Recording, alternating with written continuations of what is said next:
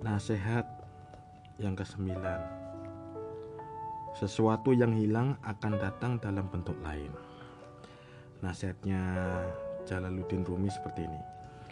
Jangan bersedih, segala sesuatu yang hilang darimu akan datang kembali dalam bentuk yang lain.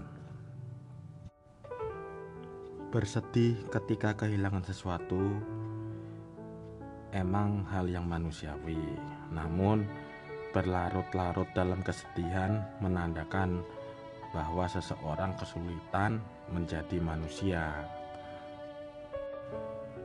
Karena orang tersebut tidak bisa menerima perkara yang sudah ditakdirkannya.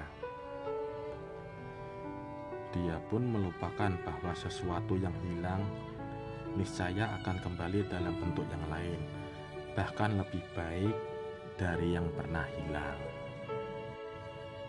Jangan bersedih, kawan. Sungguh, Allah Maha Mengetahui perkara yang terbaik untuk kita semuanya. Jika mau menyadari bahwa sesuatu yang baik menurut kita belumlah tentu baik menurut Allah. Sesuatu yang hilang, biarkanlah menghilang sebab penggantinya pasti akan datang. Jangan pernah berpikir penggantinya tidak ada, sebab Allah tidak akan mengambil sesuatu dari kita kalau hal itu memang baik. Mustahil baginya mengambil sesuatu dari kita, kecuali Dia telah menyiapkan penggantinya. Kita harus meyakini bahwa Allah itu Maha Baik.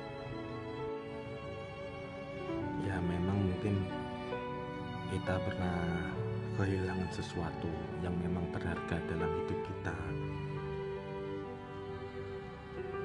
Tapi jika dipikir-pikir, ya itu memang diambil oleh Allah karena dengan caranya Allah diambil mungkin Allah sudah menyiapkan penggantinya yang lebih baik ya contohnya pacar atau punya pasangan tiba-tiba putus sudah pacaran bertahun-tahun tiba-tiba putus. Ya. Jangan dianggap terus putus asa putus asa stres.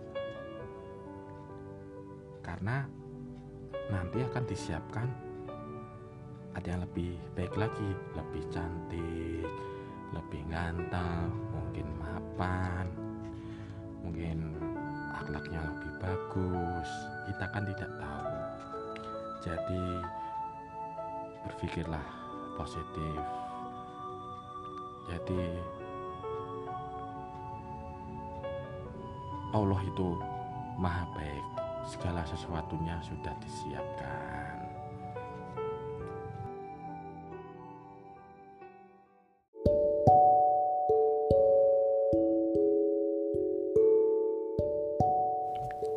Tetap jaga hati dan pikiran, selalu tebarkan kebaikan.